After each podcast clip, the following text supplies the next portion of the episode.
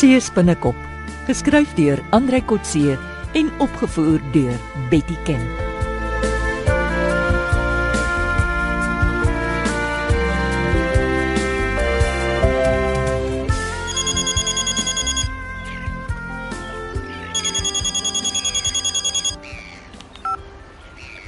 Susan Fortuin, hoekom bel jy my? Jy het gesê ons moet minder kontak maak. Ons moet dringend praat, Bobby. Ek kom na jou plek toe, dit kan nie wag nie. Maak jou stoel se groot deur oop, ek ry sommer in. Kom jy met jou polisiekar? Nooit. Ek het 'n speederkar, maar ek wil nie buite parkeer nie. Gee my 'n halfuur. Ek moet die rabbedak skuif om vir jou plek te maak. Ek is alleen. Jy moet opskud. Dis nie my skuld dat jy so ongeorganiseerd is. Man moenie met my karring nie. Dis nie my skuld as jy my helder oordag wil sien nie. As jy weer beter was, dan sou jy in elk geval moes wag tot ek van die see af teruggekom het.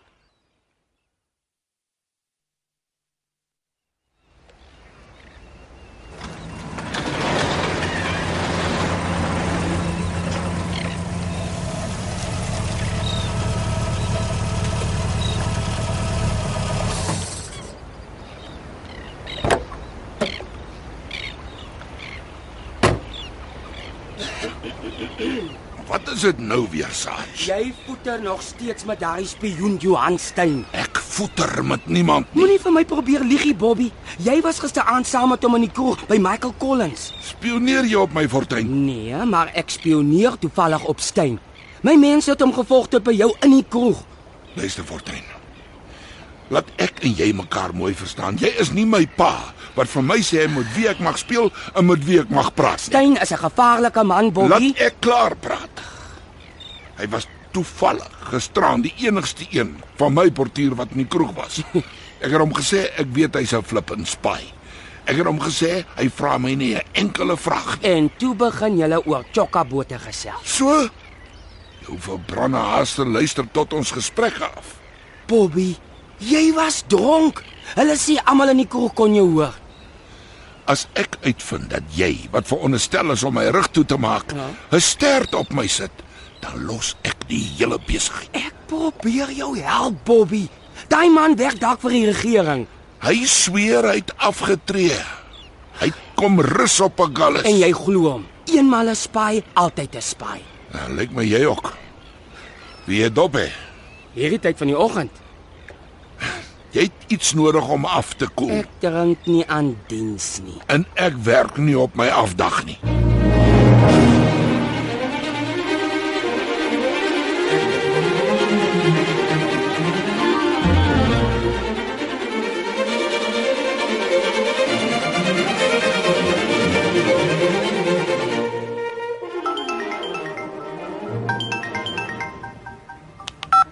Hallo Sumi. Waar swerf jy vandag rond? Hallo Johan. Jy vra nie eers vir jou ou agent hoe dit met hom gaan nie. Hoe gaan dit, Sumi? Baie goed, dankie. Ek is by my winkel op George. Selfone, DVD's en sulke goed. Sumi, jy het laas erken die selfoonwinkel in Wynberg is net 'n dekkantoor vir jou spionasie vir die Taiwanese regering. Hoekom is 'n winkel in George nodig? Ek het jou mos gesê ek is 'n besigheidsman ook. Ek het nou 'n groot belegging in die wildsplaas naby Oudtshoorn. Maar die winkel op George pas nie by 'n miljonêr wat op 'n wildsplaas wil geaftree nie. Nee man, jy ken my mos. Ek doen dinge gelyk. Die selfoonwinkel doen ook DVD-verhuuring. 'n Plek waar ek ingevoerde DVD's vir die Chinese gemeenskap in Suid-Afrika beskikbaar stel. Op George. Ja, lekker naby Oudtshoorn. Hier's 'n lughawe. Ek het 'n posbestellingsdiens. Ek kan oormôre vir jou 'n DVD laat aflaai by jou huis. Nee, dankie, nee, ek stel nie belang nie. Ek sien jy doen nog steeds alles vir die vertoon, soos altyd. Dit sal die dag wees. Ek woel hier. Ek voer onderdele in. Daar's vistreilers wat ek van Mosselbaai af diens. Ek het mos 'n skeepsbouery by Taichung. Ek lewer naverkope diens. Jy het te veel eisters in die vuur. En ek kyk daarna om 'n oesterplaas by Nysna te koop. Wie wil jy beïndruk? My wildplaas is nie net vir vertoon nie. Ek gaan groot geld maak hier. Lyk my daardie storie wat jy my hier op Agallas kon vertel het, is net 'n dekmantel vir jou besighede. Wat 'n storie.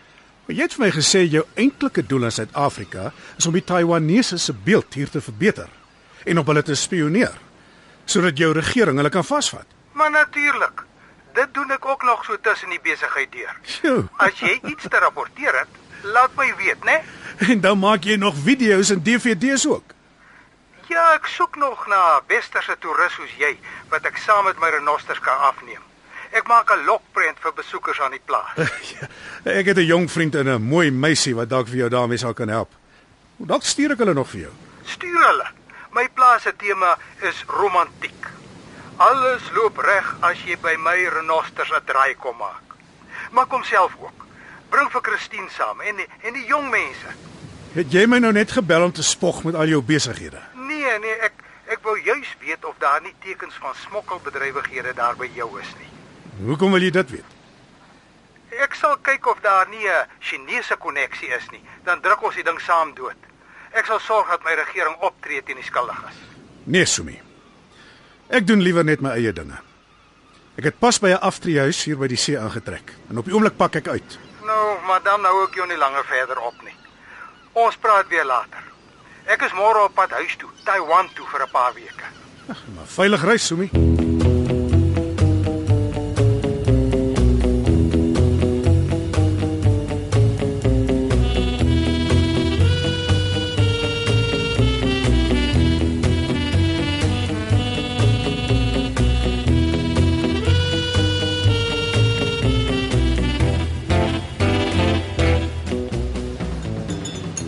Johan, as jy jou huurhuis se sleutels afgee, gaan jy darm seker nog soms hier kom of hoe?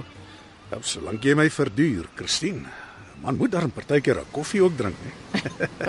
ja, dankie. En uh, ons spionasieprojek is ook nog nie afgehandel nie. Moet ons nie maar al die inligting wat ons nou het aan 'n betroubare polisieman oorhandig nie. Net nie daai sergeant Fortuin nie. Nee, nee, nog nie. Ek wil juis iets by jou toets. Hmm? Onthou jy daardie vriend van my, Sumi Chan? O, die Chinees wat so goed Afrikaans praat. Einste. Hy het my mos laat weet hy het 'n wildsplaas gekoop. Hy het renosters daar om Chinese toeriste te lok. O, ek onthou ja. Ehm um, wou hy nie renosters onthoring in die poeier bemark nie. Ja, dis die man. O, Hy het vir my en vir jou genooi om 'n paar dae op die plaas te kom uitspan. hoe weet hy van my? Hy het mos eendag gebel toe ons in die reservaat in my kar was. Dink hy ons twee uh, Ag, jy weet wat ek bedoel, uh, ons twee pas by mekaar. Ek ek weet nie, ja. Pas ons by mekaar? As jy so praat, is ek bang om saam met jou na sy plek toe te gaan. Nou, kom ons hou dit dan professioneel by die spionasie. Asseblief. Dis beter so. Ietsie pla my van die inligting wat Ina en Wynand gekry het. En wat is dit? Die ontvangstamme van Big Joe het gepraat van 'n kameraspan wat DVD's maak op 'n wildsplaas. O ja, ek onthou. Sumi het ook gepraat dat hy ons as modelle wil gebruik in DVD's om sy plaas te adverteer. Ons twee oues. hy sê hy het jong mense as akteurs nodig, maar die teikengroep vir besoeke aan sy plaas is meer ouer persone. 'n Mens gebruik gryses om aftreeoorde te bemark in die wildsplase. Ek het in Taiwan agtergekom die Chinese gebruik graag westerlinge in reklame. Alle westerlinge lyk vir hulle soos filmsterre. Klink vir my maar amateuragtig. Enigste rede hoekom ek wil gaan is net om te bepaal of daar 'n verbintenis tussen Sumi Chan en Big Joe is. Want albei is moontlik betrokke by Chinese kameraspanne. Presies. En daarom kan daar dalk 'n verbintenis tussen Bobby en sy perlemoenstropers wees en Sumi Chan. Is moontlik, maar ek verkies om te glo Sumi is nie by die perlemoenbesigheid betrokke nie. Dat hy bloot vir Joe gebruik as sy agent om sekere dinge te doen. Hoekom beskerm jy vir Sumi? Ek beskerm hom nie. En as dit dieselfde kameraspan is, wat dan Johan? Gaan jy vir Sumi waarsku dat hy met skurke en skelms deur mekaar is? Nee, ons kyk eers. Hy sal dalk ontplof en hulle almal aan sy regering verklap. En dan meng hulle in met ons regsprosesse om die skelms vas te trek. Hy kan self ook 'n skelm wees en hulle waarsku dat ons besig is om hulle netwerk te ontrafel. Ek twyfel, maar ons kan dit nie uitsluit nie. Ek gaan nie vir Sumi sê ons jag smokkelaars nie. Ja, maar dan is dit reg. Ek is bereid om vir 'n paar dae gedurende die week saam te gaan na sy wildsplaas. Mooi. Ek sal selfs probeer om 'n filmster te wees as dit sal help om die kameraspan te identifiseer. Mooi. Maar ek gaan net as jou vriendin afsonderlike slaapkamers, alles professioneel en formeel. Soos jy wil. Ek dink ook daaraan om vir Wynand en Ina te vra om te gaan. Later as modelle. vir ingeval hulle ook iets kan optel wat Sumi vir ons probeer wegsteek. Dis 'n beter idee. Hulle is aantreklike jong mense. Ja, en dalk is hulle nie so formeel en puntenerig oor slaapkamers nie. Oh, dit sal die dag wees. My niggie is ordentlik opgevoed. Ek dink daar's iets besig om te gebeur tussen daardie twee. Mm, ek sien dit ook raak. Sy het al met my daaroor gepraat. O, Ja. Jy sê niks vir Wynand nie, hoor? Nee. Maar uh, sy voel skaam omdat sy so gou van haar ex en haar trouplanne vergeet het. sou sy verkies om liewer daaroor te sit en treur. Nee, ek glo nie. Maar 'n vrou moet darm nie soos 'n vlinder fladder van een romanse na 'n ander nie. Ek hoop jy sterk haar in haar nonne status nie. Nee, maar ek verstaan hoekom sy bekommerd is. Waaroor is sy bekommerd?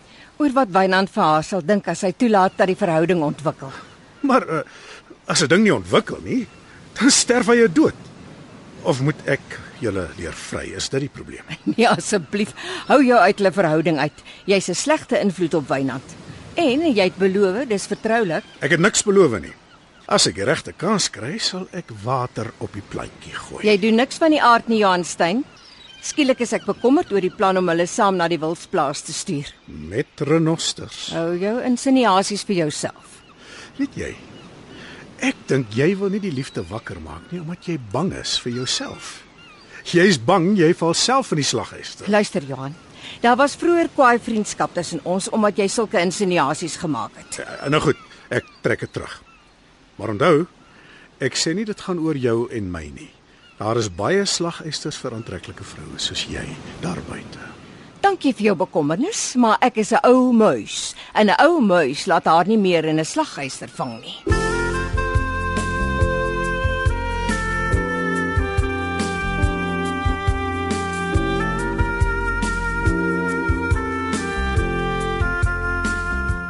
Dit was Seespinnekop deur Andrei Kotse.